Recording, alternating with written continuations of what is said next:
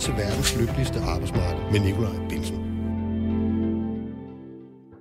Mange af os har stiftet bekendtskab med det. Hvad enten du arbejder i det offentlige eller i den private sektor. De mange nye strategier og visioner sat i værk af den allerøverste ledelse – milestones, medarbejderseminar, nye missioner, værdiprocesser og trivselskampagner. Vi skal hele tiden gøre noget nyt, for ellers så bliver vi overhalet af udviklingen derude, som bare selv gør noget nyt. Er vi privatansatte, skal vi være konkurrencedygtige og trimme organisationen. Er vi offentlige ansatte, skal vi spare, eller i hvert fald kunne gå længere på literen. Vi skal alle sammen være omstillingsparate og omfavne de forandringer, som iværksættes i stadig hyppigere tempo, eller som minimum, når der skiftes ud i ledelseslagene. Vi skal hver gang, må man forstå, ikke nødvendigvis arbejde hurtigere, bare smartere. Fylder de mange procestiltag og den omfangsrige poesi fra chefgangen efterhånden så meget i de større danske virksomheder og institutioner, at de i virkeligheden forhindrer helt almindelige medarbejdere i at passe deres arbejde. Det finder vi måske ud af den næste times tid, hvor jeg har besøg af komikeren Per Helle Jacobsen, han har netop skrevet bogen Varmluftstrategi for begyndere med undertitlen Hvorfor topchefer blander sig for meget, og medarbejdere skal blive bedre til at sige nej. Vi er i et univers, hvor der hele tiden er far for, at en HR-partner, en kommunikationsmedarbejder eller en djøffer kigger forbi, og det ved jeg ikke så meget om. Jeg er 3F'er og fællestillidsmand, så i dagens program har jeg allieret mig med en vaskeægte fuldmægtig, også Pernille Gry Petersen, som hjælper os med lidt indspark for virkeligheden.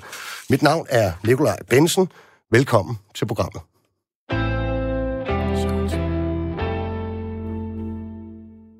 Per Helle, velkommen ja. til programmet. Tak skal du have. Og nu sagde jeg komiker, øh, da jeg præsenterede dig i indledningen. Øh, er det egentlig sådan, du helst vil præsenteres?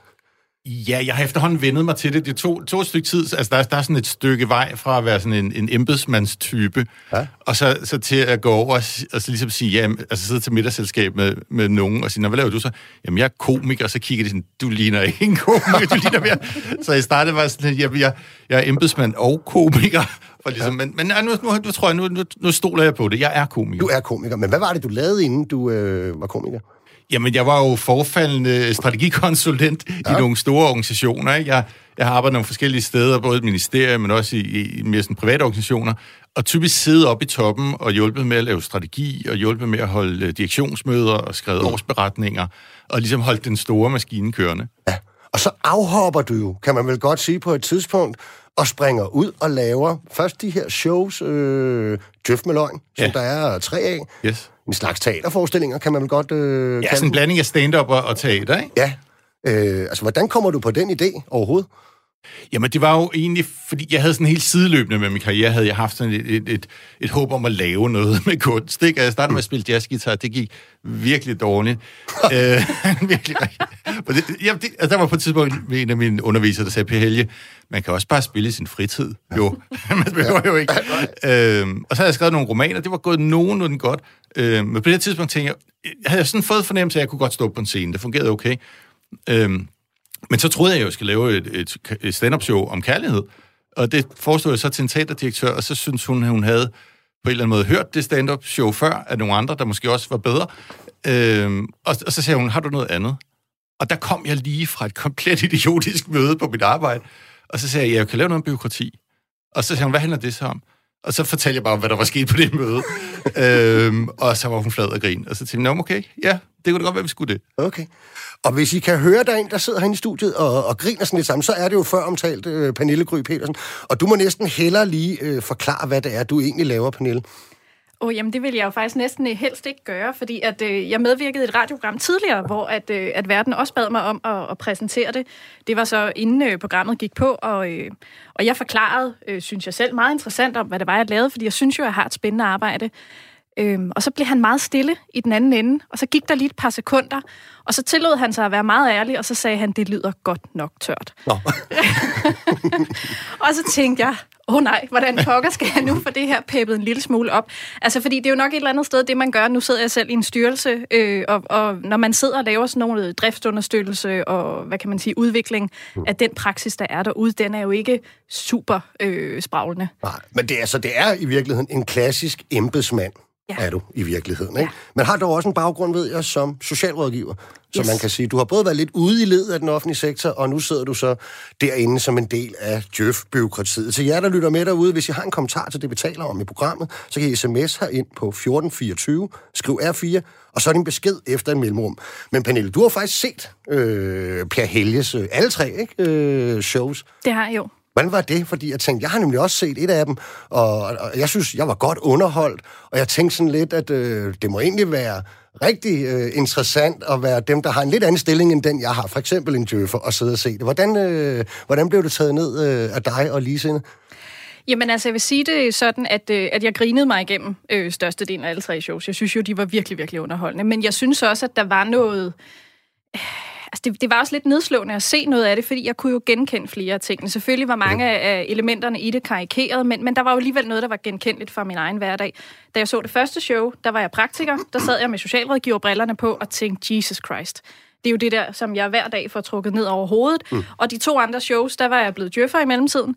Øh, og der sad jeg og tænkte, åh oh, gud, det er jo det der, jeg skal ud og gøre op med. Øh, og så gik vi derfra. Jeg sad jo sammen med mine kolleger og så det, og vi grinede, vi grinede, og så gik vi hjem, og så gjorde vi, ligesom vi plejede. øh, og det er jo, altså det er jo, det er et eller andet... sjovere. nu er det sjovt.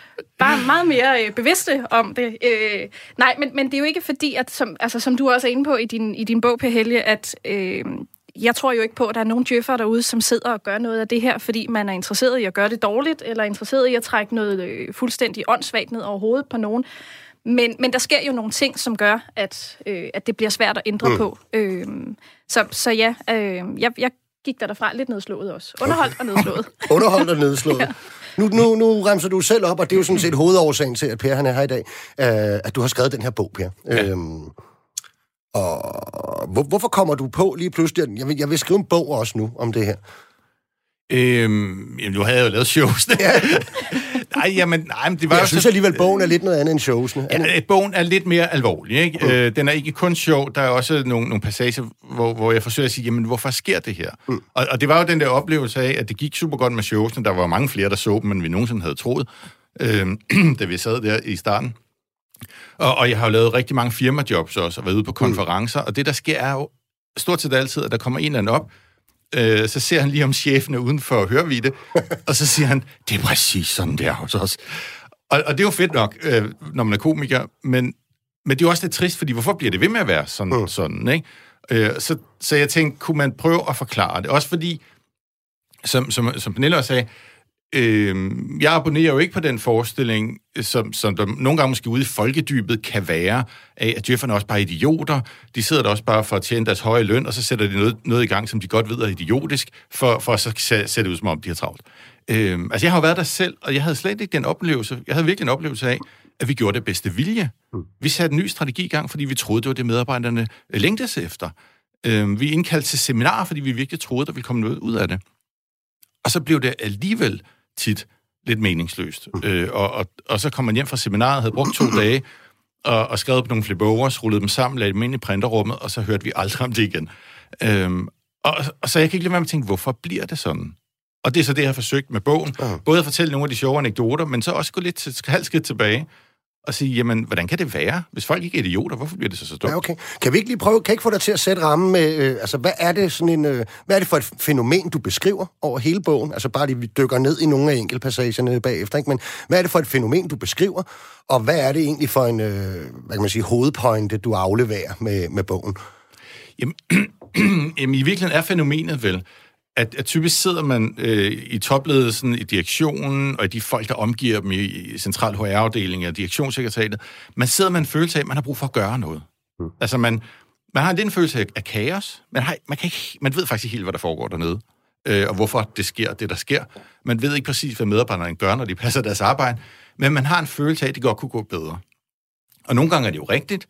Nogle gange øh, har man måske for få penge og skal spare, eller eller også har man bare nogle gange, man ser ud af vinduet, og Google kommer, og Amazon, og det bruser forbi, og så har man, det, det skal vi da med på. Det, vi da, det må det jo også ramme os. Mm.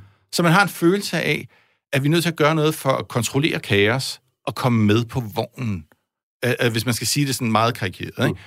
Og de ting, man så sætter i gang, jamen det kan være en, en, en, en ny strategi med nogle pejlemærker for, hvordan vi kommer ind i år 2025, øh, eller en vision, eller øh, en omstrukturering rigtig tit også, ikke? Mm. Øh, eller måske et to-døgns seminar på Hotel Nyborg Strand, hvor vi så skal sidde og spille kerneopgavespillet, fordi hvis vi bare bliver skarpere på, hvad vores kerneopgave er, så bliver det godt. Mm.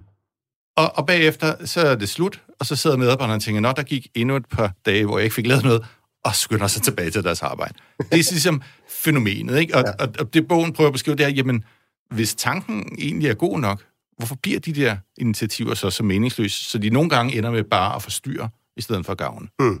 Hvor, hvor, hvad kan man sige, hvor udbredt er det her fænomen? Og her tænker jeg, altså, at det samme at være ansat i øh, Kriminalforsorgen som embedsmand og i Nordea, som at være i Johnnys rengøring i, øh, i Rødovre? Nej, altså jeg tror, det, det er jo et segment af, af organisationer, det her passer mm. i. Ikke?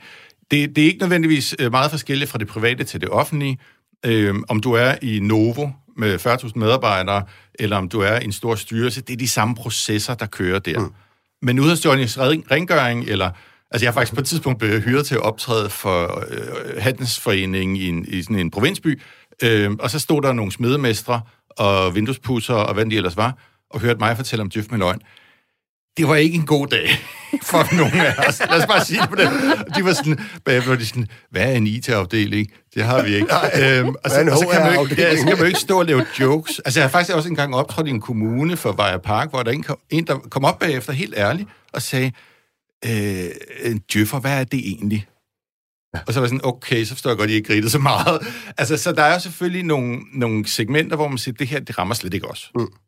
Og så er der nogle andre typer organisationer, som der jo nok bliver flere og flere af, øh, hvor de er så store, at de her processer, hvor der bliver så langt fra topledelsen til den menige medarbejder, ja. at de her processer begynder. Og jeg tænker, jeg har jo altid tænkt, men, og det var faktisk først, da jeg læste din bog måske i virkeligheden, at den, jeg lidt smed den over bord, men jeg har jo altid lidt haft den fordom, at, at, at, at noget af det her, det, der, det kan vi altså tale rigtig meget mere om i den offentlige sektor end i det private. Men det synes jeg, at du lidt sparker ned. Hvordan, Pernille, har, øh, hvordan ser du på det? Jamen, altså man kan sige, jeg kan jo ikke udtale mig om den private sektor, fordi nu er jeg i den offentlige sektor, mm. men jeg har jo jeg har også talt med flere, som er i den private sektor, som siger, det her kan de fuldstændig genkende. Mm. Øh, altså også da der eksempelvis kom den her meget omtalte bog tidligere omkring pseudoarbejde, der talte jeg også med flere, øh, fordi jeg er meget optaget af det her emne, som også sagde, at det her kan vi fuldstændig genkende i nogle af de store mm. organisationer. Mm. Så jeg er meget enig med dig, øh, Per Helge, i forhold til, at jeg tror også, at det her det handler om størrelsen øh, og kompleksiteten. Altså hvis man har en lille øh, 10-15-20 mands virksomhed, så har man en bedre føling med sine medarbejdere. Øh, så, så ved man, hvordan de har det, man ved nogenlunde, hvad de går og laver, og derfor kan man måske også lettere slippe tøjlerne. Ja. Fordi jeg kan godt nogle gange tænke, at det her det handler om manglende mod til at turde slippe tøjlerne. Øh, altså at når man sidder oppe i toppen, så øh, fordi vi jo har implementeret New Public Management og den her ramme- og målkontraktstyring, øh, som, som ligger i det, så skal der jo leveres nogle resultater. Øh, og så er det jo klart, at en direktør i toppen øh, og de direktører og chefer, der under der, de vil jo gerne have en fornemmelse af at have kontrol med tingene. Øh, fordi det er dem, der skal stå på mål med det i sidste ende. Og når de så kommer meget langt væk fra kernemedarbejderne, så gør de jo nogle tiltag for at få en eller anden fornemmelse af at have, have kontrol mm. med det. Men er det, er det deroppe, Helle? Fordi lad, lad os bare lige prøve at få dit bud på, hvor opstår det her fænomen henne? Altså, jeg tænker, i, i en organisation typisk. Jamen, det opstår jo øh, typisk i det, man kalder stabsfunktionerne. Ikke? Det, vil mm. sige, det vil sige direktionssekretariatet, dem, der sidder øh, tæt på topledelsen, øh, i, i HR-funktionerne, ikke? Som, mm. som jo også sidder og tænker, øh, jamen vi, vi skal hjælpe folk med, at, at der skal måske være en politik for inklusion, eller, eller vi sætter et projekt i gang for at skabe en bedre feedback-kultur, ting, som jo i den bedste vilje øh, forsøger at gøre tingene bedre. Øh, og, og det kan være i økonomiafdelingerne, IT-afdelingen. Når den bliver stor nok, så vil den jo også gerne være med til ligesom at sætte nogle rammer, og vi har fundet et eller andet super lækkert Slack-program, som vi alle sammen skal have, og så kan vi kommunikere med hinanden. Øhm, altså, det er jo de hvad steder... Er et, nu er jeg lige vej at parke igen her. Altså, hvad, hvad er et Slack-program? Øh. Øh, øh, Slack, det er jo sådan et, øh, det er, det er et program, hvor man kan øh, sådan noget gruppesamarbejde på, okay. øh, på computeren, ikke? Ja, okay. øh, som jo også er ligesom, vi, ligesom Facebook på arbejdet, mm. ikke? Altså, hvis det kommer, så kommer IT-afdelingen, så vi skal have lidt Facebook på arbejde, så tænker jeg, det lyder da godt, Facebook er super populært, det skal vi da også have her. Mm, ikke nødvendigvis. Men øh, altså, I, I er jo inde på, øh, du, du nævner det der med pseudoarbejde, ikke? så lad os bare lige tage den rundt, fordi det tænker jeg noget, du også tit bliver forholdt, Per, at, øh, at der er nogle overlap. Og det var jo den her bog, som øh, er skrevet af Dennis Nørmark, undskyld, og Anders Fogh Jensen øh, tilbage i 2018. Øhm, og nu ved jeg ikke, om du er enig i, at der er nogle overlap, men det er sådan, det, jeg kunne forestille mig, at du tæt bliver forholdt om det, du øh, mener er lidt den samme kritik, som de har, og den er måske lidt firkantet sagt, at der er et væld af funktioner, som enten er komplet overflødige, eller kun sidder der for at genere andre. Det var da fortegnet sagt, ikke? Men, øhm, Ja, altså, der er, jo, der er jo stort overlap, overlap mellem det, de, de siger, og, og det, som det, jeg siger. Øh, og jeg, altså, jeg endte faktisk med at have en diskussion med Dennis øh, Nørmark om det, fordi jeg, jeg kom til et, et, et interview i politikken, så sidder man jo der og vil være lidt skarp, og så siger jeg, nej, jeg er helt uenig i det, de siger. Okay. og så, så var jeg sådan, hvad? Øh, og så skrev han et læserbrev, eller hvad? så skrev han på LinkedIn, jo Nå, faktisk, okay. ikke som er Djøffernes Facebook. Ja. øhm, og, og så var jeg sådan, nå, jeg er hård, det var måske også. Øh, så, så drak vi en kop kaffe. Øh, jeg tror, der, hvor, hvor meget det... Jeg ja, det er jo vi... sådan, Djøffer, de ordner problemer, ikke? Så ja, ja, drikker de en kop kaffe. det er jo det gode ved at lave satire om Djøffer, der kommer ikke nogen og slår dig ihjel. Nej, nej. Det, det. et surt indlæg Det er ufarligt.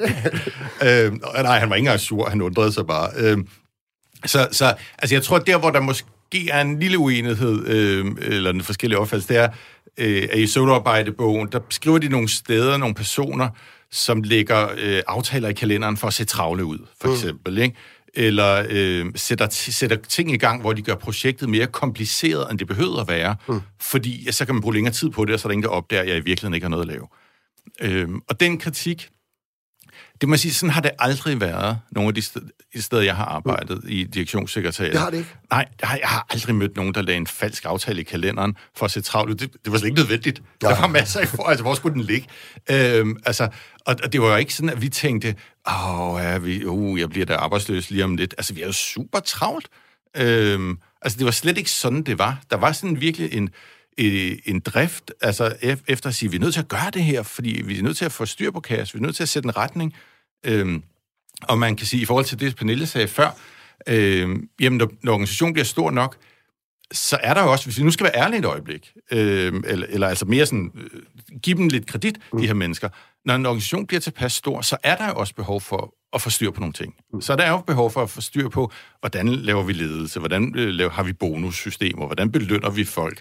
Øhm, og, og det, jeg skriver i bogen, er jo også, at der er jo også et ønske hos medarbejderne typisk om at få en eller anden form for vejledning. Altså, jeg har da aldrig siddet øh, et sted, hvor vi ikke sad fredag eftermiddag over en lidt, øh, lidt for varm øl, øh, og så var man frustreret, og det man sagde, det var, kunne de for helvede snart fortælle os, hvor vi skal hen? Mm. Altså, hvor skal vi hen? Fordi det hele går op i nødredninger og kaos, og det hele er sådan lidt IT-systemer, der ikke virker, og åh, vi forsøger at holde fast, og har man overlevet inden en uge, hvor der ikke var nogen, der døde, mm. øhm, og det ikke braget sammen, og så sidder man der fredag, kunne de dog, kunne de pege, altså hvor skal vi hen? Hvor skal vi hen, ikke? Mm.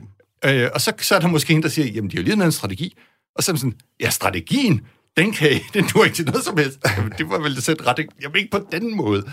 Fordi det jo desværre så tit bliver sådan, at strategien i det forsøg på at sætte en retning, ikke rigtig kan bruge, for der står bare, vi skal forsøge at gøre det godt i stedet for dårligt. Ikke? Vi skal mm. blive skarpere til at eksekvere på vores uh, must-win battles. Mm. Mm.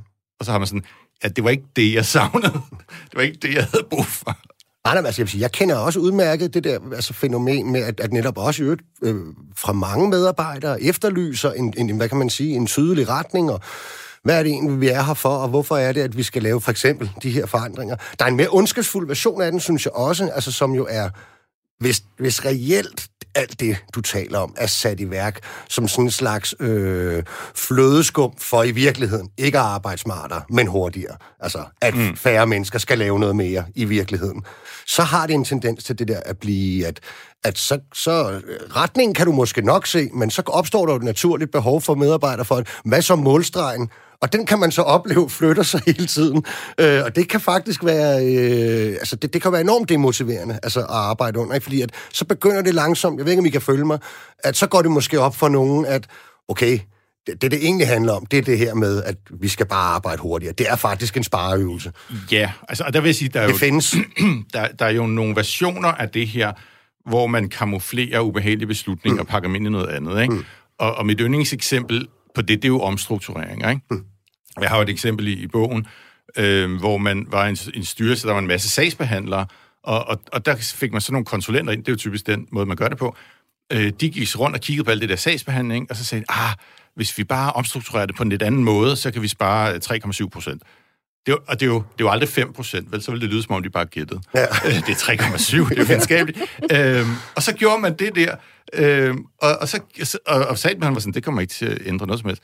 Øhm, og så gik der fem år, så kom de samme konsulenter tilbage, og sagde, hvis vi bare laver det om til det, det var før, mm. så kan vi spare 3,7 procent igen. Øhm, altså, og det er jo den der, øh, at tit bliver en omstrukturering brugt som et argument, hvor man får nogle konsulenter til at sige, hvis vi, øh, hvis vi organiserer os anderledes og sætter de der sammen med dem derover, så der kommer synergi, øh, så kan vi spare nogle penge. Og, og så ruller man det ud. Og, og, og, og man sparer jo penge, fordi man tager dem jo fra budgettet, så de bliver jo sparet. Men den måde, de bliver sparet på, er ikke ved, at man har sat dem der sammen med dem der. De bliver sparet på, at folk løber hurtigere. Mm. Og, det, og det opdager medarbejderne Jamen, jo jo på det. et eller andet ja. tidspunkt. Især, altså man opdager det jo, når den anden version, altså når de kommer anden gang og laver det tilbage til det, det var før. Uh, altså jeg, jeg, har lige, jeg har lige fået et andet eksempel fra en kommune, ikke, hvor, hvor de havde Øh, de havde, de havde alle, alle dem, der sad administrativt med tingene, altså sekretærerne dybest set, ikke? dem startede man med at centralisere. De skal sidde sammen, så kan de arbejde på tværs. Det bliver super godt. Sparede nogle penge. Så gik der et par år. Nye konsulenter. Vi skal decentralisere dem. Så sidder de tættere på driften. Ja. Så bliver det meget bedre. Ud igen. Det samme sted, hvor de sad før. Sparede penge igen, ikke? Og så må man jo bare have det sådan, okay, vi kan godt købe, man kan spare penge den ene af gangene, mm. men man kan jo ikke spare pengene begge gange, vel? Altså, det kan jo ikke være sådan, at hvis man tæller lyset, så sparer vi penge. Vi slukker det igen, så sparer vi penge igen. Det, så, så begynder man at blive i tvivl, om, der, altså, om det her er reelt, ikke? Ja. Kan du genkende øh, noget af det her, Pernille? Øh, ja, desværre. Øh, det, det kan jeg godt. Og igen vil jeg understrege, at der er ikke nogen, der gør det her for at, øh, altså, at, at gøre noget skidt. Øh, og jeg har også samarbejdet med adskillige konsulenthuse, og hvor jeg også tænker, men I forstår slet ikke, hvad det er for en virkelighed, I, I taler ind i. Øh, men de gør det jo også bare for at gøre deres arbejde. Øh, jamen, jeg har også prøvet at være med i en øh, reorganisering, hvor at der blev rullet en model ud, som, øh, som nogle andre fortæller. Det har vi prøvet, og vi rullede den tilbage igen, fordi vi fik fandt ud, eller vi fandt ud af, at den ikke virkede. Øh, jeg har også været, øh, hvad kan man sige, vidne til øh, forskellige tiltag, som, som man forsøger at løse relativt simpelt, fordi jeg tænker, det er jo faktisk nok et eller andet sted, det der sker her, det er, at man har med nogle komplekse størrelser at gøre. Øh, man vil gerne vise handlekraft, man vil mm. et eller andet sted gerne gøre det godt, og så prøver man at finde nogle relativt lette løsninger. Øh, og det bliver måske ofte sådan nogle lidt teoretiske quick fixes på en eller anden måde, øh, som måske endda passer meget godt ind i et Excel-skema. Og når det så kommer ud og møde virkeligheden, så matcher det bare ikke, fordi mm. mennesker er bare langt mere komplekse, øh, okay. end, end der er plads til i et Excel-skema. Ikke? Altså, så, så jeg oplever lidt, at det altså sygefravær for eksempel, ikke? så øh, man vil enormt gerne gøre det bedre for medarbejderne. Vi skal nedbrække sygefraværet, fordi det, det koster en masse penge, og det er jo ikke godt, at medarbejderne er syge. Men så finder man en eller anden fancy model og forsøger at løse det ud fra det, i stedet for at gå ud og snakke med medarbejderne om, hvorfor er det, I er syge? Altså, jeg kunne ikke lade være med at sidde og tænke på, før da du refererede til Dennis Nørmark, øh, det her med, at så sad I sådan og battlede lidt på tværs af jeres, øh, af jeres debatindlæg, og så endte I med at mødes og drikke en kop kaffe. Og det er der, hvor jeg lidt tænker, det er måske det samme, der sker derude. Ikke? Altså, så sidder der en eller anden strategiafdeling og kommer med et eller andet fancy og smart, øh, og en anden afdeling, som ender måske med at køre sådan lidt deres eget parallelløb, fordi de tænker, vi gør bare, som vi plejer, fordi det matcher ikke det, I har det, I har givet os her, skulle de måske bare sætte sig ned og drikke en kop kaffe sammen og snakke om tingene i stedet for? Øh, vil, vil det rent faktisk give nogle bedre løsninger? Øh, mm. Sådan lidt forsimplet sagt, Og, det, ikke? og, og proble- problemet er jo, at altså netop det der med, problemerne er typisk rigtig komplekse, ikke? Og dybest set i, i de fleste organisationer, så det, der er brug for, er jo, at den enkelte medarbejder udfører sit arbejde rigtig godt. Mm. Altså mere simpelt, altså mere komplekst er det jo ikke, vel? Men det er bare sindssygt svært at sætte på formel, ikke? Og hvis du sidder i, i en organisation med, med, med 2.000 medarbejdere, så kan du jo ikke øh, bare sige, hvad hvis vi alle sammen gjorde det godt? Øhm, og, og så ender man tit med en eller anden form for øh, formelløsning. Ikke? Det kan være enten en omstrukturering, hvis jamen, vi sætter dem sammen på en ny måde, så vil de gøre det bedre. Eller det kan være den der øh, forskellige modeller, som man ruller ud. Ikke? Eller forskellige vinkler. Altså for tiden er der det her med kerneopgaven, som jeg også lige nævnte i en bisætning. Ikke? Øh, for tiden kører der meget sådan en, i, i den offentlige sektor, at vi skal fokusere på kerneopgaven. Og det lyder jo det lyder præcis som det, vi gerne vil, jo ikke? Jeg tror, der så sidder alle øh, folk i Vejer Park og tænker, super kerneopgaven, jamen det er jo at, at, at tømme de her skraldespande eller klippe de her buske. Nu bliver det godt. De har forstået det endelig. De har forstået det. Vi skal fokusere på kerneopgaven. Men når man så ruller det der kerneopgaveprojekt ud, så viser det sig, det det går ud på, det er, at der sidder nogle folk højere op i systemet og snakker om, hvad kerneopgaven må er. Mm. Øh, og så tager de på seminar og finder ud af, at kerneopgaven er at skabe et åbent og mangfoldigt byrum med plads til forandring. Øhm, Og så ruller man det ud, og så sætter man folk på kerneopgavekursus, og så spiller man kerneopgavespillet, som en eller anden konsulent har fundet på. Og bagefter kommer man tilbage til, til mig ikke? Og så selv kerneopgave, altså selv det, som skulle være det, vi alle sammen gerne vil, fokusere på kerneopgaven, risikerer meget hurtigt at blive bare en ny metode, vi ruller ud. Et nyt, en ny vinkel på at snakke om tingene, som bare ikke ændrer noget, når det kommer til stykket. Du bruger faktisk, øh, altså det hedder et af kapitlerne direkte i bogen, det hedder jo de, de evige omstruktureringer. Og hvor kommer det der med de evige ind i det? Jamen, det er jo fordi, at, at der jo bare er så utrolig mange af dem, ikke? Øhm, at, jeg tror, det vil sige, hvis der er noget, der går igen, når man snakker folk. Jeg snakker med en hel del mennesker, hmm. øh, når jeg er ude og lave shows eller interviewer dem øh, om nye ting, jeg laver. Og, og hvis der er noget, der går igen, så er det jo bare det der med, de første de fortæller, ja, når ja, vi har haft øh, fem chefer på syv år, og, og blevet omstruktureret fem, fire gange, ikke? Øhm, jeg har lige snakket en del, jeg prøver at lave noget om Vejer Park for tiden, så, det, så, så jeg kender, eller jeg har snakket med en del mennesker i Vejer Park, ikke? hvor de var sådan, nå ja, men så tænkte man, så slår vi gardnerne sammen med skraldemændene, fordi så kan de hjælpe hinanden i dagligdagen. Så gik der fem år, så skilte de mad igen, fordi vi skal være specialister. Og, og de var lige kommet på plads. Altså, de var lige kommet på plads ude på vejpladserne, ikke? og var blevet enige om, hvor de skulle sidde i frokoststuen og så videre. Så skulle de skille sig igen. Ikke? Øhm, så der er for mange af dem. Og, øhm, og, og mit postulat i bogen er jo, at det, at det er en af grundene til, at der er så mange, det er, at det er en beslutning, man kan træffe. Mm. Og det lyder lidt, måske lidt mærkeligt, ikke? Men hvis man sidder oppe i toppen af organisationen, er det faktisk ret svært at træffe en beslutning, der fører, fører til noget. Ikke? Man kan godt lave en strategi, men der har man allerede en fornemmelse af, hmm, ændrer den noget? Man ved det ikke rigtigt, vel? Øh, man kan godt tage på seminar, hmm, hvad kommer der ud af det? Men omstrukturering, den kommer der jo faktisk noget ud af. Mm. Der er nogle folk, der bliver flyttet. Ja. Altså, det er jo meget fysisk, meget tydeligt. Øhm, samtidig, og nu bliver jeg lidt grov, ikke? men samtidig er en omstrukturering noget, som alle kan tale med om. Man behøver ikke at vide noget som helst om, hvordan man øh, er en vej- og parkmedarbejder, for man kan tale med om, om det er bedre, at gardnerne og skraldemændene i virkeligheden er den samme organisation. Det kan alle jo snakke med om. Det ja, kan så kan man bare snakke om processen. Ikke? Ja, ja. Øhm, så derfor er det en nem, øh, en nem ting at diskutere, og det er jo derfor, jeg meget polemisk siger, jamen der er en grund til, at det første, en ny direktør gør, når han kommer ind i en ny organisation, det er at lave en omstrukturering. For det er det, han kan være med til. Det er ja. det, han forstår. Kom op, Anil. Jamen, jeg tænker også, altså, det er jo også det der med, hvad er det for nogle logikker, der er på spil i forhold til, hvordan man skal løse nogle af de her komplekse problemer. Fordi Altså, vi ved fra implementeringsforskning og så videre, at det tager ufattelig lang tid at, at implementere nye ændringer. Mm. Øh, så vi når jo for så vidt nærmest aldrig i mål med de der nye tiltag, som vi laver hver andet, eller hver fjerde, eller hver sjette år, hvor, hvor tit vi gør det, inden vi når at prøve noget nyt af. Ikke? Og det er der, hvor jeg tænker, at når der så opstår nogle udfordringer, så bliver logikken hurtigt, når man så, øh, så, så skal vi nedsætte en eller anden afdeling, som så skal se på, hvordan vi løser det her. Så, øh, så hyrer vi nogle, øh, nogle djøffere ind. Vi ved ikke helt, om vi skal bruge 10 eller 20 djøffere. Det finder vi ud af undervejs. Og så kan de komme med nogle nye løsninger på, hvordan vi skal gøre det her, i stedet for at gå ud og snakke med medarbejderne og give dem noget tid til at finde sig ordentligt øh, på, hvad kan man sige, til, til plads i, øh, i de her ændringer. Og det er jo, jeg tænker, det er også lidt det, du er inde på i bogen, det her med, at der bliver meget, meget langt fra det øverste led og ud til de menige medarbejdere. Så det her med, altså om man reelt set mister føling med, hvad der er behov for derude, om, mm. om man simpelthen løser det med nogle forkerte løsninger så, ikke? Mm. Jo. I skal vide, at der faktisk er kommet en del sms'er hen, og nogen, der både roser dig, Per Helle, for dine tidligere shows, og nogen, der roser begge dagens gæster og valget af emne. Så det er jo meget fint. Man kan ja, fortsætte. Nogle, nogle, nogle, nogle, nogle kloge lytter, I har. Meget, meget lytter, må man sige. og hvis der sidder flere kloge lytter derude, så kan de altså stadig skrive herind, øh, hvis de har en kommentar til det, vi taler om. Man kan sms på 1424, skriv R4, og så din besked efter et mellemrum. Nøgle til verdens lykkeligste arbejdsmarked med Nikolaj Bensen. Og med mig i studiet har jeg fortsat virkelighedens døffer Pernille Gry Petersen og komiker, forfatter og afhoppet embedsmand Per Helge Sørensen.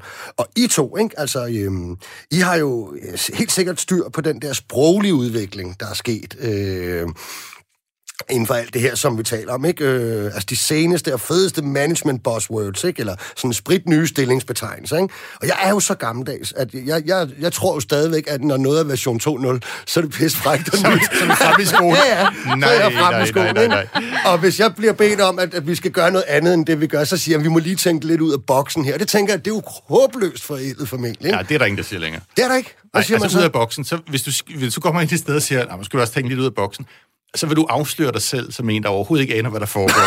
Du er slet ikke med på beatet overhovedet. Det, du skal sige, Ja, du skal høre. sige, øh, jeg tror, vi er nødt til at være- blive bedre til at tænke ulinært.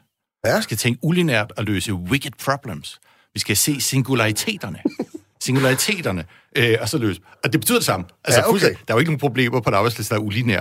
Altså, det er jo det rene vrøvl. Altså, medmindre du arbejder Ja. med en bro, ikke? Øh, som, som skal, ikke skal være lige. Øhm, altså, og- men det er jo bare... Og det er jo det, der er med de der buzzwords, dem af dem, som i virkeligheden ikke rigtig betyder noget. Øh, det er, at de bliver slidt. Altså, ligesom verdensklasse. Det var, det var virkelig stort en gang, vi skal være, levere i verdensklasse. Det er der ikke det er rigtig nogen, der kan sige længere. Det lyder på dårligt, ikke? Eller, eller, eller grande. Det kan man heller ikke Åh, sige længere. Vel, så, så er vi virkelig langt tilbage, og måske og- endda også visse steder i Danmark. Og, og, det, og det mærkelige er jo så, at man holder ikke op med at sige indholdsløse ting. Nej. Det kunne man jo håbe. Ja. Nå gud, det betyder ikke noget, hvis det ser ud af boksen. øhm, man, man finder bare et nyt ord. Typisk faktisk, det kan man lægge mærke til, øh, det er typisk fra naturvidenskaben, man tager noget, eller fra IT-verdenen. Det er jo også det der 2.0. Ja. Det var jo også noget, man sagde om internettet, ikke? Og så begyndte alle sammen, at vi skal lave administration 2.0. Mm. Nej, det giver ikke mening. og så blev det slidt, så sagde man 3.0. Øhm, og nu er det slidt. Jeg tror ikke, man går op i 4.0, fordi så har alle fattet. Okay, Ja, de, altså, de har stiger fattet. bare hele tiden, ikke? Det kan man ikke. Øhm, Men du har ret i det der med, at det, der er jo meget IT-verden. Jeg tænker også, man går vel ikke helt galt i byen, hvis man ligesom starter med cyber, eller slutter med tech, eller sådan noget. Kan man Ej, ikke komme langt der? cyber er også lidt er slidt. Det vil jeg sige, nej, du skal sige agil. Eller Okay. ag- agile, endnu bedre, ikke? Ja. Vi skal arbejde agilt, okay. som jo også er faktisk en ret veldefineret proces, når man sidder og programmerer. Det er sådan en måde at programmere på og samarbejde om løsningerne. Og igen, så sker der det der med, at der er noget, der virker over IT-verdenen, og så kan vi blive lidt Google-agtige, hvis vi nu siger, ja, ja, det kan godt være, at vi er administrationsstyrelsen, men vi arbejder agilt. Ja. Og sådan, ja, det betyder så ikke noget over hos jer. Det kan man ikke. Og det er vel også sådan, Pernille, at man, altså, man er også gået bort fra at sige, at vi arbejder med at have en mangfoldig og rummelig arbejdsplads. Der, er det vel, øh, der, der bruger man vel sådan noget diversitet eller sådan noget, ikke? Det er ordet. Ja, det tænker jeg. Øhm, altså, og, og da jeg læste det kapitel i din bog, der blev jeg faktisk igen lidt nedslået, fordi jeg tog mig selv i ikke at kunne komme på særlig mange ord. Og jeg tror, det er simpelthen, fordi jeg har indoptaget mange af de her ord i min hverdag. Så du tror bare, det er sådan der? Så, så jeg er simpelthen ikke særlig kritisk over for dem længere. Altså jo, når der kommer nogle nye, for eksempel den der med Disruption Råd, som du også refererer til i bogen, altså den synes jeg virkelig også var, den, den havde jeg det svært med. Øh, den har jeg det stadigvæk svært med. Men jeg tror rigtig mange af tingene bliver jo det nye normale øh, i den hverdag, man er der øh, i. Mm. Og, altså, jeg kan rigtig godt lide at komme ud blandt praktikerne øh, og, og holde temadag, eller hvad vi nu øh, laver omkring nogle nye tiltag og sådan noget, apropos. Mm, ja. øh, men jeg kan godt lide at få testet min egen øh, kommunikation og fortælling og så videre af, fordi nogle gange så ser de meget mærkeligt ud i hovedet, mm. når jeg står og kommunikerer. Øh, og det er jo et tegn på, at, at jeg bruger noget, som bare slet ikke er forenligt altså, med, med deres hverdag. ikke? Kapitlet i bogen, det hedder jo, som du refererer til, det hedder jo det idiotiske sprog, ikke? Men altså, prøv, prøv lige at komme kort ind på det, Per, men så også samtidig sige, hvordan undgår man at tale sådan? Kan man overhovedet det? Nej, altså det er jo... Det er jo, det er jo også for, for, for igen, hvis vi nu lige skal være lidt venlige, så er der jo også et fagsprog ikke? Mm. i mange øh, brancher, hvor man har nogle ord, der betyder noget ret præcist, og som man selvfølgelig gerne må bruge. Ikke? Mm. Øhm, det, det skal vi jo ikke forhindre lægerne i at bruge deres fagsprog, eller IT-folk i at sige agil og, og Scrum Master, og øh, hvad det nu er, øh, som, som man bruger i den verden. Øhm, der, hvor det bliver problematisk, det er, når det bliver brugt til at skjule at man dybest set ikke aner, hvad der foregår. Ikke? Mm. Og jeg har i bogen et eksempel øh, fra konsulentverdenen, ikke? Mm. Øh, hvor der jo sidder nogle konsulentvirksomheder, der gerne vil ind og, øh, og sælge øh, projekter, managementprojekter, strategiprojekter for virksomheder, men de, de ved jo dybest set ikke, hvad virksomheden laver. Hvordan skal de vide det? Øh, og så bliver det til noget, altså, jeg kan, du kan ikke øh, huske det, men det er sådan noget, så har de undersøgt, at verdens mest succesrige øh, virksomheder har en capability-drevet tilgang til værdiskabelsen. Så hvis man fokuserer på sine fem øh, et eller andet, så kan man levere en, og så videre derudad, ikke? Øhm, og det er jo bare der, hvor man siger, en capability-drevet tilgang til værdiskabelse. Man kan jo godt lige blive lidt sådan duperet, det lyder da helt vildt klogt, ja. eller gør det, betyder det faktisk noget? Øhm, og det er, jo, altså, det er jo sådan nogle situationer, mm. at det sprog opstår, og det sker jo både sådan eksternt med konsulenterne, men det sker også inde i virksomheden, ikke? Mm. At når man sidder oppe i toppen og skal rulle en strategi ud, øhm, og, og måske ikke har, er blevet helt øh, dygtige til at finde ud af, hvad det konkret strategien skal indeholde, så kan man godt lidt fange sig selv i at, at skrive, altså fordi man kan jo ikke bare skrive, hvad hvis vi blev bedre til at gøre tingene godt, i stedet for at gøre dem lidt dårligt. Så bliver folk hvad? Det kan man jo ikke vel, men man kan jo faktisk godt slippe afsted med at sige, at vi skal styrke vores øh, vi skal styrke vores evne til at eksekvere på vores must-win battles. Det kan man jo godt. Det lyder da, jo ja, vi skal blive bedre til at eksekvere. Og eksekvere er jo faktisk et af de populære ord, det må du gerne Ja, sige. ja, ja. Øhm, og, og så bliver det lidt nemmere at skjule, at man i dybest set bare siger, at vi skal lade være med at gøre tingene dårligt. Jamen, og jeg, jeg tænker også, at det handler jo nogle gange også om det her med at, øh, at give ens, øh, hvad kan man sige, budskaber noget tyngde. Altså, fordi øh, det her med at bruge agil, for eksempel, altså hele projektterminologien, den, er jo, den har jo vundet indpas rigtig mange steder, også i den offentlige sektor. Vi bliver alle sammen uddannet projektledere osv., fordi at det, det giver rigtig god mening at, øh, at bruge nogle af tingene derfra. Men jeg kan jo ikke bruge det agile ned over min hverdag, når jeg sidder her med sådan nogle mere sådan samfundsvidenskabelige ting at gøre. Altså, det, det giver simpelthen ikke mening. Øh, men, men et ord, som jeg også har tænkt rigtig meget over, som, øh, eller har tænkt over, der, der bliver brugt rigtig meget, det er jo sådan noget som evidens, for eksempel. Ikke? Altså, vi ynder alle sammen at snakke om, at vi har evidensbaseret praksis og evidens alt muligt. Øh, og, og det vidner jo også om, at vi begynder at bruge ord på en anden måde, end det, det oprindeligt er ment til. Mm. Øh, fordi evidens, det er jo noget inden for videnskaben, der handler om, hvilken tyngde de resultater, øh, man får, de har. Men hvis man som politiker, eller som direktør, eller som chef bruger ordet evidens, så er der lidt mere tyngde i, at så er det nok rigtig godt det her. Men der er bare ikke videnskabelig evidens for det, man står og snakker om eksempelvis. Og, og, og igen er det jo et eksempel, hvor man tager et ord fra en verden, hvor det har en klar betydning, og så tager man det over, og, og så, så, så har man lyst til at sige, øh, vi skal holde op med at gøre ting, der ikke rigtig virker. Øh, det kan man jo ikke... Nå ja, det er da ikke god idé. Godt tænkt. Hvor længe brugte de på det? Øh, og så går man ud og siger, at vi skal have metoder, øh, der er baseret på evidens. Mm. Og så lyder det som om, gud, der har siddet 15 forskere og regnet på det her. Ja. Nej, ikke nødvendigvis. Ikke rigtigt. Ja, det, er, det er egentlig meget interessant. Vi skal lige lidt videre i bogen. Øhm, der er et kapitel, der hedder Det uendelige møde. Hvad er det? Jamen, det er alle møder i Nej, jamen, jo, men det er jo også den der følelse, man kan have, ikke? At, at, at man kommer på arbejde, og så er der bare møder. Jeg vil sige, hvis der er noget, som folk er glade for under den her corona-periode, så er det, ikke alene er der færre møder, fordi det er lidt sværere at holde, ikke? Øhm, de er faktisk også blevet bedre, sindssygt nok. Øhm, fordi hvis man holder et, et Skype-møde, eller et Zoom-møde, eller hvad man nu bruger, så er man bare nødt til at være virkelig, virkelig stram mm. med en dagsorden og med mødeledelse.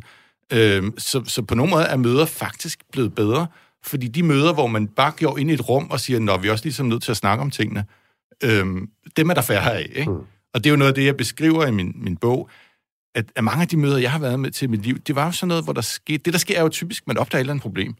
Og så er man siger, wow, hvad skal vi gøre ved det? Og alle har super travlt. Øhm, og, og så får man fat i en mellemleder, der siger, hvis vi kan løse det her problem, åh, oh, han er super, super duper travlt. Og så siger han, book mig til et møde næste uge. Det er jo mellemlederens faste sætning, ikke? Book mig til et møde næste uge.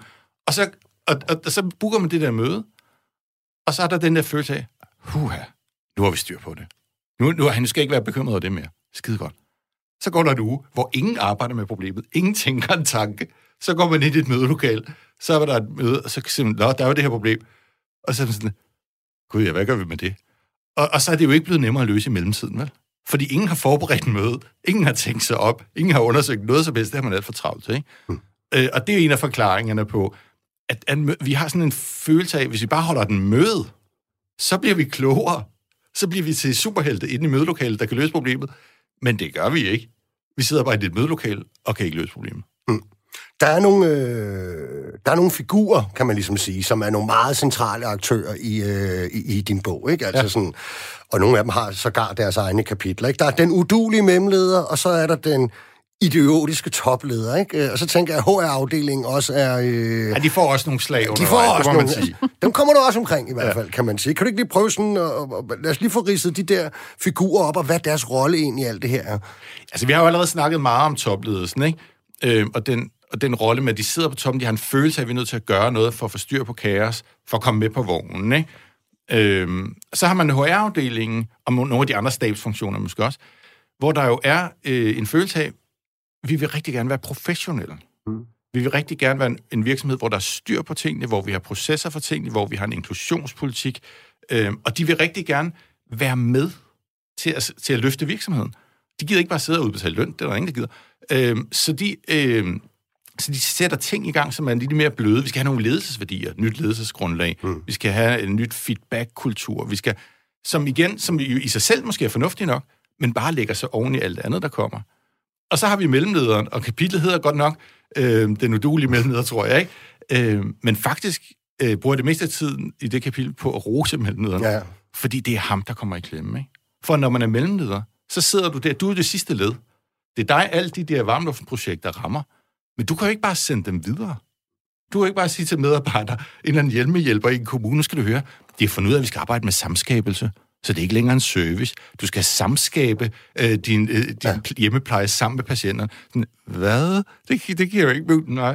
Øh, det kan man jo ikke, vel? Så det ender jo hos ham. Øhm, så det er ham, der ikke alene er han upopulær for sine medarbejdere, fordi han er super travlt, og han sender ting videre, som ikke giver mening. Men han er også upopulær opad til. Fordi topcheferne synes, han er simpelthen så modvillig. Hvorfor forstår han ikke vores geniale tanker? Hvad blev der af den der strategi? Hvorfor indførte han ikke den udgivet? Og så kan han jo ikke sige, ja, det var fordi, den var idiotisk. Det kan man jo ikke vel, hvis man gerne vil kooperere i organisationen. Øhm, Så jeg vil sige, at mellemlederen, han er en vigtig, øh, eller hun, en vigtig person, som faktisk, synes jeg, fortjener mere ros. Fordi den daglige tale i den offentlige debat er mellemlederne en alle hader, ikke? Åh, oh, deres jakker mellemlederjakken. øh, men jeg synes faktisk, det er lidt sødt. Jeg synes faktisk, mellemlederen er faktisk hverdagens held. Det er ham, der får det til at funke, ikke? Ja, Ja, og skal, han skal jo i hvert fald, det har du ret i, han skal jo stå på mål, eller hun skal stå på mål for, for, for enormt mange af de ting, der jo, der jo kommer op fra. Jeg havde engang, det er mange år siden, han stoppede en, en, en memleder, øh, som var lidt old school øh, anlagt, og når han ligesom præsenterede et nyt projekt, som typisk skulle handle om, at vi skulle, det var min verden, flytte en masse tunge ting fra et sted til noget andet, og man så ligesom problematiserede, at vi, fordi sådan ser verden jo også ud, øh, dem skal vi jo bare flytte tilbage igen om et halvt år, fordi at, der, der kom ja. de jo sådan set fra. Så sagde han hver gang, ja, jeg er fuldstændig enig, det er totalt åndssvagt. Kan I ikke bare gøre det? Men, men det er jo, men det er jo det præcis... præcis hans måde at takle hele det fænomen på. Og, og det er jo problemet, det er jo det, man har som mellemleder. Jeg har jo selv ikke været lidt mellemleder øhm, i en kort periode, og jeg havde præcis den samme. Jeg kom ned til, det var jo sådan nogle djøffer, ikke? Men ja. det var den samme situation. Ja, de har besluttet at komplet idiot. Det kommer ikke til at virke overhovedet. Det er så dumt. Nå, Birte og Bjarne, hvad siger I til at arbejde med det? Fuldtid, det er stor. Jeg er super, og det er da virkelig motiveret for sige noget mere. Ja. Øhm, og problemet er, at du sidder i den loyalitetskonflikt, ikke? Mm. Og det er derfor, øh, som jeg også skrev i bogen, et af de faste, tror jeg, det mest brugte replik for en mellemleder, det er jo, Nå, nu må vi prøve at få det bedst muligt ud af det. Mm. Det er jo det, man sidder, ikke? Så ja, det er lidt ja. dumt, det her. Vi kan også, jeg kan godt se det. Men, men det er jo sådan, det bliver. De har jo besluttet, så skal vi ikke prøve at få det bedste ud af det. Ja. Vi har, vi har faktisk fået en sms øh, ind, jeg synes, der er lidt interessant. Øh, tak for et godt program. Et af de problemer, der kan være omkring ledelse og ledere, er, at de ikke længere er vokset ud af den profession, de er ledere for. En forvaltningschef for skoleforvaltning har ikke længere været lærer og så videre. Venlig hilsen. Svend, har han en pointe? Det er en gammel debat, faktisk, det her, eller en ny debat. Ja, men det er jo en sjov debat, øh, fordi øh, man har jo i lang tid haft en debat, hvor man sagde, hvorfor er ledelse så dårlig? Jamen, det er jo fordi... De, de ikke er ledelse, ja. Ja, fordi vi forfremmer de dygtige faglige øh, personer. Vi forfremmer en dygtig jurist, og så er en dygtig jurist så chef. Øhm, og så siger vi, gud, det skal vi da lade være. Vi må tage nogle generalistchefer, som er meget bedre til ledelse. Og så er man gået i den retning. Ikke? Det kan man jo også se, sådan at, altså man, som Christian Nissen, ikke, som blev chef på Rigshospitalet, selvom han ikke var læge, og så blev han mm. chef i DR, selvom han ikke var journalist, og alle var sådan, gud, nej, nu dør folk. Øhm, og, og så gik det måske meget godt, ikke? på en eller anden måde. Ikke? Og nu er man så tilbage til at udnævne en Rane Villerslev som direktør for Nationalmuseet, ikke? fordi vi skal have en rigtig forskrift. Mm. Ikke? Og, og jeg, der er jo ikke nogen, der er jo ikke nogen øh, opskrift, der virker. Begge dele har deres øh, ulemper, ikke? Når du forfremmer den dygtige jurist, så er han måske ikke nødvendigvis den bedste leder. Men, mm. men hvis du på den anden side øh, laver det der transfer window-ledelse, som der kører for tiden, ikke? At, at nu er vinduet åbnet for topleder, og så skifter de plads rundt i den offentlige sektor. Ikke? Jamen, du kan da godt være herover, du kan da rigtig god derovre. Øhm, så får man altså også et problem med nogle topledere, som faktisk dybest set ikke aner, hvad, øh, hvad virksomheden producerer, ikke? eller hvad sagsbehandlerne laver. Mm. Pernille? Jamen, jeg tænker også, altså, der er jo ikke noget nemt svar på det, fordi at, øh, at forestille sig, at mellemledere eller chefer for den sags skyld og direktører er sådan nogle orakler, der går rundt og ved det hele, altså det, det er jo fuldstændig utopisk. Det, det gør de ikke. Så det er jo også det der med at have en bevidsthed om, hvad er det, de skal kunne, fordi nej, en mellemleder, som ikke er vokset ud af professionen for at svare på lytterens spørgsmål, altså det har sin fordel og sine ulemper. Øh, jeg er selv socialrådgiver oprindeligt. Det har der også nogle ulemper, eller det spænder ben for mig nogle gange i min opgaveløsning, mm. fordi jeg kan blive for detaljeorienteret, og jeg tænker en leder, som selv har været ude i, øh, altså haft øh, fingrene nede i bolddejen, de får måske svært ved at eksekvere nogle af de her ting, hvor det bare skal gå hurtigt, og nu skal man altså rette ind. Mm. Men jeg tænker samtidig også, at det er også det der med, altså jeg synes absolut ikke, at, at mellemledere, det er en, en sjov størrelse altid, altså set fra, fra deres stol af. Jeg har enormt ondt af dem nogle gange, og tænker, at de må få nogle meget, meget lange arme og, og huller ind i maven, og alle de bokseslag, de skal tage imod. Ikke? Mm. Øh, men, men jeg tænker også, at, at det er også et eller andet sted, det her med at få fokus på, at der skal noget mod til for at få rykket ved nogle af de her ting. Fordi nogle af de her karikerede situationer, du fortæller om, P. Helge, hvor de siger, jamen det er også noget værd lort, men vil I ikke sørge for at gøre det her? Altså de skal jo ikke sige, at vi ikke sørger for at gøre det her. De skal jo gå tilbage og sige, at det her det er noget lort, og det giver ikke mening.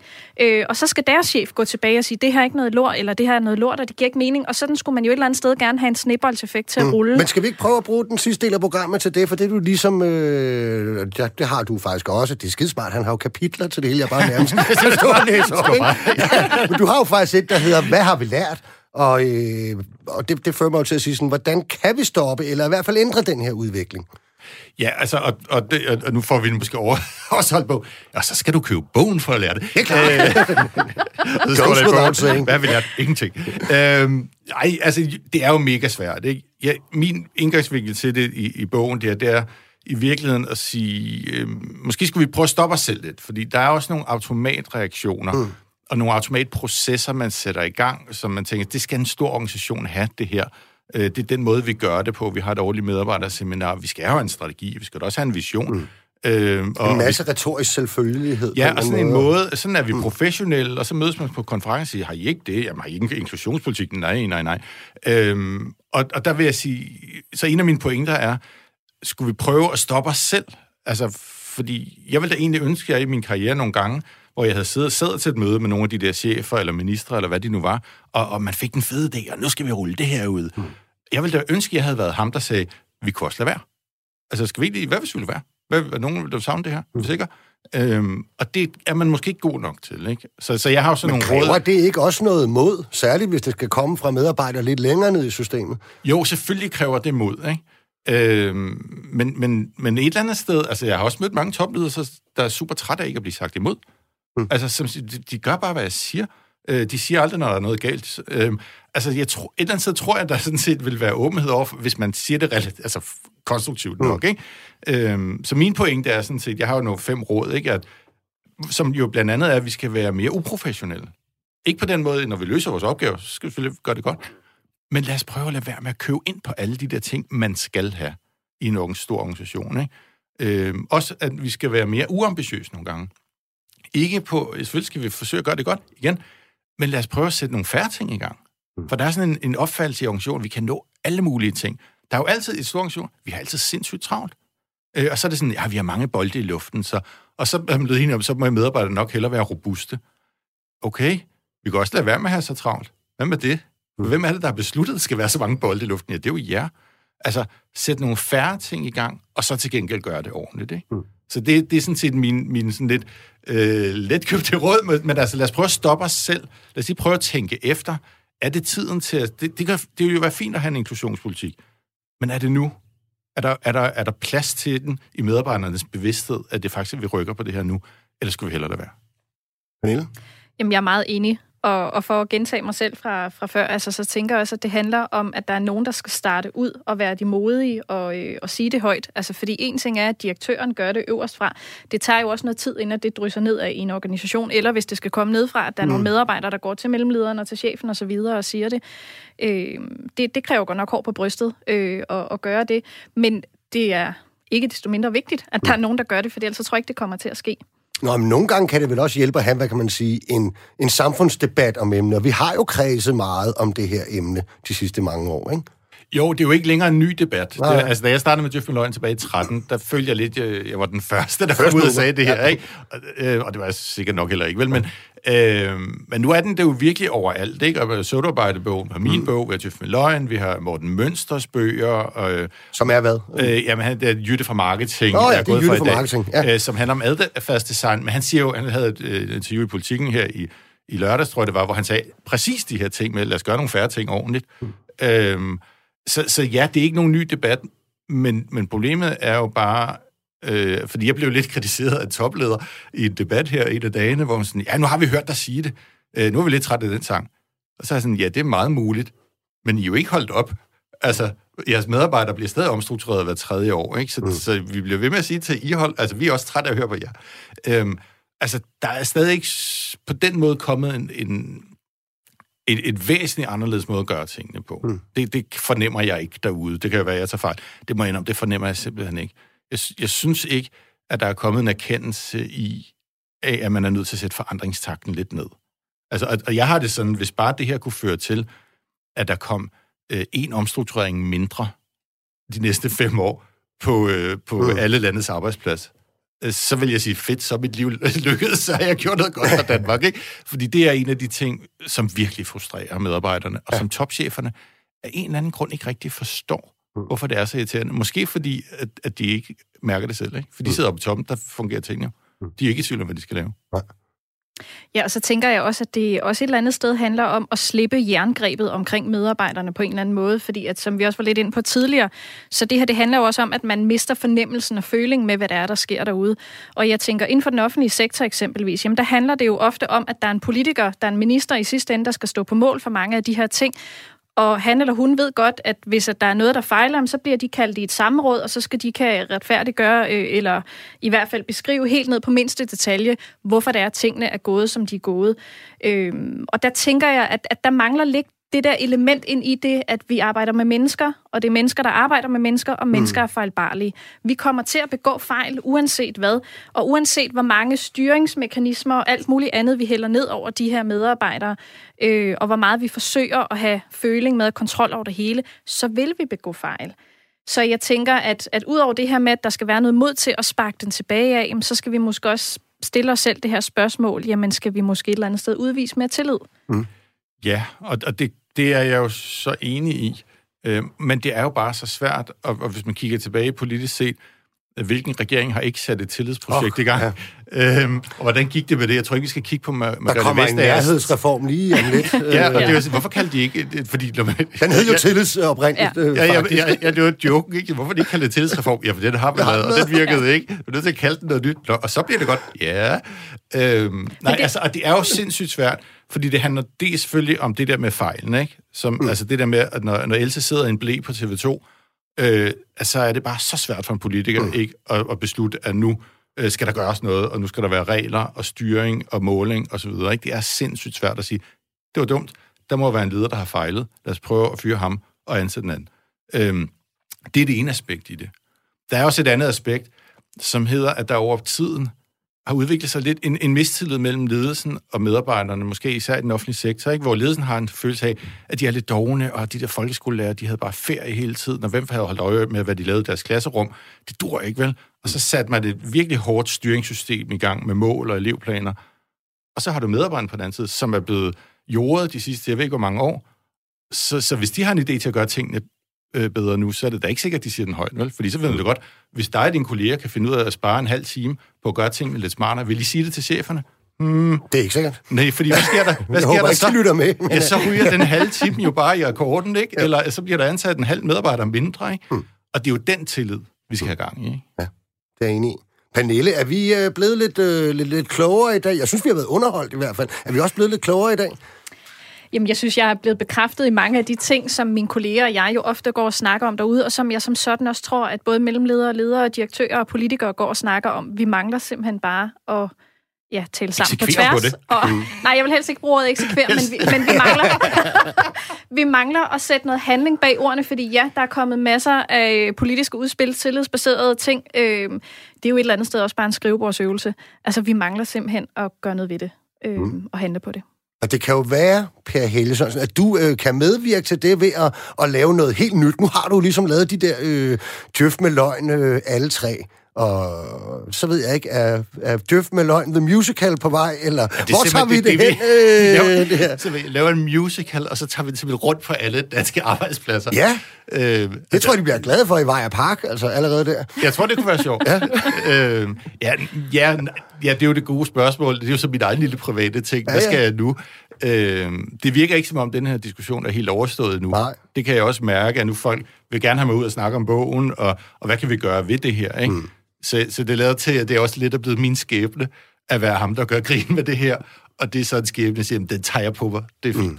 Det synes jeg. Og nogle gange, det er jo, det er jo klodshans, var jeg lige ved at sige. Ikke? Altså, ja. nogle gange er der jo nogen, der skal sige, at, øh, at kejseren har ikke noget tøj på. Ja, og det blev så mig. Den lille dreng. det blev Per. Men altså, øh, jeg vil i hvert fald følge med i, øh, hvad det næste projekt, øh, der kommer fra din hånd er. Om det er en bog, eller en musical, eller en, øh, en spillefilm, øh, eller ja. en øh, dansk version af Halløj på Badehotellet. Bare i, øh, bare, i bare, bare en større styrelse. ja, en, en større styrelse. Tusind tak, fordi du ville øh, komme herind og gøre os øh, lidt klogere. Jeg håber, at øh, alle I, der lyttede med derude, fandt det lige så spændende og sjovt som os, der var herinde i studiet. Mit navn er Nikolaj Bensen, og jeg er tilbage igen næste mandag, samme tid og sted. Og verdens lykkeligste arbejdsmarked, det blev i dag produceret af Thor Arnbjørn, og det blev lavet af Rakkerpak Productions.